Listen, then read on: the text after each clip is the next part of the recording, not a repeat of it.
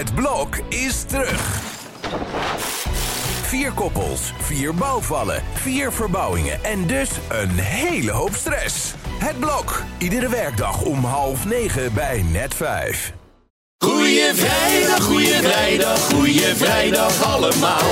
Kruip weer dichter je speaker voor deze week de laatste maal. Goeie vrijdag, goeie vrijdag, kom eens hier en luister nou. Heb jij ook een vraag voor Evert? Jordi stelt ze namens jou. Nou, er is straks iemand die vraagt: heb je even voor mij? Want Slik Privé is er voor jou. Echt wel.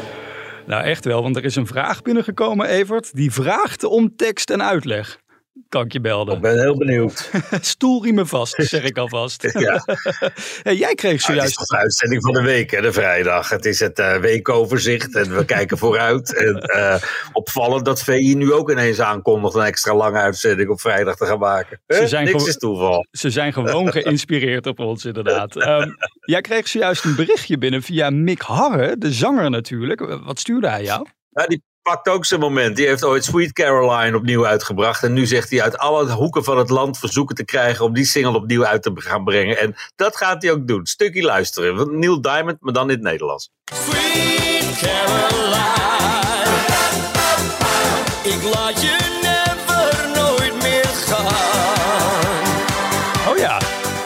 Ja, dit ken ik wel nog van de kroeg eigenlijk. Dus dit- ja, dit moet Ja, ook... natuurlijk. Ja, dat is destijds wel een goed idee geweest om dat in het Nederlands te gaan doen. En nu zegt, ziet hij het als eerbetoon aan. Hij pakt ook zijn moment. En eh, ja, dat is eh, niet meer dan terecht deze week met eh, Caroline in de leading lady van Nederland. Ik ben gewoon echt helemaal dol geworden op Caroline deze week. Ik zie allerlei beelden van haar. Zo nuchter is zij gebleven. Ja, met die moeder. Dat was toch heel erg lief allemaal. En nou ja, wat ze verder teweeg brengt, we gaan het allemaal wel zien. Maar Ik denk dat zij dit weekend even bij moet slapen van alles wat er het eh, is wel een zootje aan het worden in, in het land. Ja.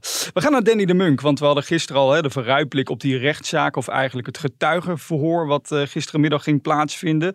Zo kwam Danny de Munk gisteren naar buiten. Ik ben tevreden over vandaag en eh, rugrecht. En we gaan lekker naar huis. ja. Hoe nu verder?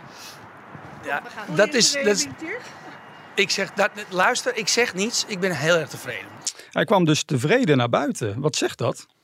Nou, hij kwam tevreden en doodvermoeid naar buiten. Het duurde zeven uur. Ik weet niet hoe lang die vermeende vrijpartij toen ge- ge- geduurd heeft. Maar dat zal niet zo lang geweest zijn als deze, het napraten erover. Het is echt, hoe kan je het zeven uur lang hebben over, over wat daar toen al dan niet heeft plaatsgevonden? Het is eh, onvoorstelbaar. En eh, ja, hij ziet het als groot deel van zijn, van zijn eh, eerherstel jammer dat we er niet meer van hebben meegekregen dan, dan het naar binnen gaan en het naar buiten komen van, van, van de betrokken persoon. Maar ik ben heel benieuwd wat eruit gaat komen. Eind van de maand wordt het vervolgd. Ja. Als, als, als duidelijk is of ze nog andere getuigen willen horen. Ik weet niet of die erbij waren. Maar ja, het, het is nog lang niet voorbij. Dus. Wist jij dat eh, Willem-Alexander Maxima altijd Cookie noemt? Wist je dat? Nee. Nee, en ik weet niet hoe de makers van die serie erachter gekomen zijn. Maar ik heb ze dat in het openbaar in ieder geval nooit horen zeggen tegen elkaar. Maar ik vind het wel een heel goed idee om met een serie over Maxima te komen. Dat willen we toch allemaal wel zien. En het verleden van Maxima, die natuurlijk ook al iemand was voordat ze Willem-Alexander in Sevilla tegen het lijf eh, liep. Dat is toch wel eh, heel erg interessant. En heel vaak wordt er gevraagd om een Nederlandse versie van The Crown.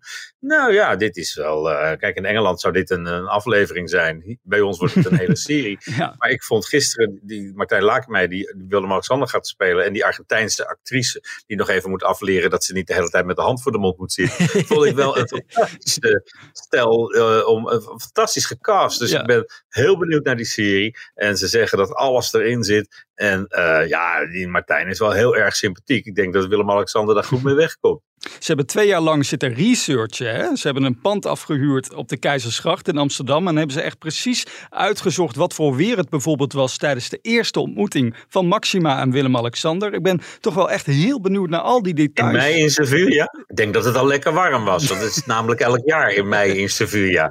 Maar goed, zij, waren daar, zij vonden dat heel belangrijk. Ja. Maar vooral, ja, ik, ik, ik, er is al heel lang geleden een plan geopperd om een serie over Maxima te gaan maken. En het ontbloeien van hun een opbloeien van hun liefde. Mhm. En ik ben blij dat het er nu eindelijk van gaat komen. Met de budgetten van Videoland. Dus het zal er ongetwijfeld mooi uit gaan zien. En dat zie je al aan de locaties die gekozen zijn. Van New York tot Spanje tot Argentinië. Overal wordt gedraaid. En eh, ja, ik, ik kan me er erg op verheugen. We moeten er nog wel ruim een jaar op wachten. Ach ja, geduld, dat hebben wij en het is een schone zaak.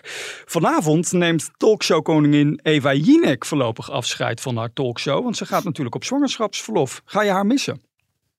Ja, ik vind Nou. leuk. Ik heb gisteren weer eens gekeken. En eh, op de avonden dat ik eh, zelf niet eh, op een andere zender zit, doe ik dat regelmatig. Ja. Vond ik toch wel weer een onderhoudende uitzending met onze eigen Wouter. En met, met, met ja, die twee hoofdrolspelers uit die Maxima-serie. Ik, vind- ik, Hmm. vond het wel, ik vind het wel leuk. Maar ja, die cijfers, Ja. die, die geven wel te denken. Want dat houdt niet altijd over. En van de week was er een dieptepuntje. Maar dat was tegenover de verkiezingsuitslagen. meen ik. Dus Mhm. ja, dat, dat, dat, dat kan voorkomen. Maar ja, een talkshow als die van Eva, die veel concurrentie gekregen heeft natuurlijk. Hè? Ook van eh, Arjan Lubach en zo, die erbij gekomen is. Er zitten heel veel mensen in die vijver te vissen Mhm. op datzelfde tijd. En zij heeft daar toch wel eh, nadrukkelijk onder te lijden. Want destijds bij de publieke omroep scoorde ze aanzienlijk hoger. Ja, er zijn mensen die denken dat ze misschien teruggaat naar de NPO. Zou ze daar verstandig aan doen?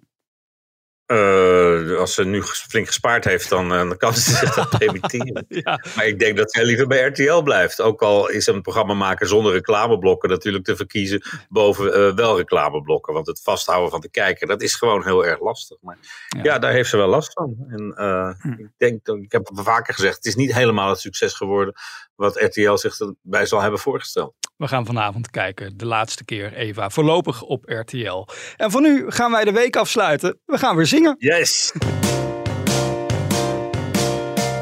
Eventjes aan Evert vragen, dat lijkt me echt een goed plan. Een vraag aan de privéman. Ja, dus zometeen een vraag van een BN'er die vraagt aan jou: heb je even voor mij? Maar eerst even naar de vraag van Sanne, want zij vraagt zich af: zou jij ooit nog iets anders op televisie willen doen dan shownews? Heb je nog programma-ideeën? Eh, ja, maar die moet je altijd koesteren. Die moet je niet op een eh, vrijdag in een podcast gaan, eh, gaan Oh. noemen. Want een hoop mensen die op goede ideeën zitten te wachten, die luisteren mee. En ja, ik weet niet of ik er tijd voor heb. Maar ik zou dat wel nog, nog iets later in mijn carrière willen doen. Maar ik ga er in ieder geval even binnenkort over beginnen bij SBS. Dan kondig ik het vast aan dat ik dat graag zou willen. Dus het antwoord is eigenlijk ja, maar je wil niet zeggen met welk programma dan. Dat is eigenlijk het antwoord op Nee, het is een nieuw programma en dat, eh, dat, dat, eh, dat, dat moet je niet zo eventjes eh, uit eh, losse pols eh, met de wereld delen. Er is dus een vraag binnengekomen van een BN'er. Even luisteren. Hey, even met eh, Frans Bauer. Eh, nou, we gaan al een hele lange tijd terug. Nou, goed, als ik zeg als ster in de hemel staan, heb je daar gevoelens bij. Als ik zeg Jerebas, dan heb je daar ook gevoelens bij. Eh, kortom, eh, maar als ik nou tegen jou zou zeggen van Evert, Frans Bauer, Oostenrijk en een klein vliegtuigje, wat maak ik dan emotioneel bij jou los? Emotioneel bij jou los. Wat is er daar gebeurd aan dat vliegtuig? Nou ja, ik was toen mee in een privéjet met Frans en zijn toenmalige manager Rini Schrijenberg naar Oostenrijk. En die Rini die reisde door en ik ging met Frans alleen terug in een vliegtuigje naar Nederland. Vanuit Graz in Oostenrijk, waar hij had opgetreden in een enorme tv-muziekshow. eh, zoals je die in Duitsland wel hebt, met die lange tafels. En we kwamen in een sneeuwstorm terecht. En toen hebben we een noodlanding moeten maken in, in Frankfurt. Maar alles viel uit. En eh, die sneeuw, die, die, het was echt paniek bij de piloten. En, en Frans zat te huilen. Nee. Ik denk, nou kom maar naast me zitten. En ja, we hebben het nog jarenlang, als we elkaar tegenkomen. Och jongen, er wa- wa- was wat in dat vliegtuig. Hè? En eh, ja, het, het heeft ons op ons allebei enorme indruk gemaakt. Maar vooral ook omdat we toen we eindelijk aan de grond stonden en ehm, ja, toch wel weer een beetje zeker van onze zaak waren, stonden we op het vliegveld van Frankfurt, wat deels geslo gesloten afdeel, af, deel daarvan. En toen we daar stonden, eh, een beetje overmoedig, eh Viva Holiday, we kwamen naar beneden eh, te zingen. Toen kwam er ineens een vliegtuig van de Nee. Amerikaanse luchtmacht rakelings over ons heen. En ja, het is dat we dat, dat, we dat overleefd hebben. Eerst die, to- die barre tocht met dat Ja. vliegtuigje. En toen nog die bijna klap met die Amerikaanse. Nou, dat was echt de Air Force One, leek die wel zo groot. En eh, ja, dat we dat overleefd hebben, dat is nog altijd iets wat grote indruk op ons gemaakt heeft. En waar we, als we elkaar zien, het toch nog altijd over hebben. Ook al is het 25 jaar geleden. Maar durven jullie ooit nog samen met elkaar in één vliegtuig te gaan zitten? Want dat brengt misschien wel ongeluk. Ja, juist. Want we weten dat we, een derde keer weet ik niet. Maar een tweede keer nog wel. Jezus, nou goed. De tijd die vloog ook voorbij, want uh, de week van de podcast zit er alweer op. Maar maandag, even, dan zijn we er weer. Hopelijk met net zo'n spannend verhaal met een goede afloop. Laten we dat wel hopen. En het lijkt, en het lijkt een lekker weekend te worden. Hè? Prachtig. Het voorjaar komt eraan. En uh, daar gaan we maar eens volop van genieten met z'n allen. Tot maandag.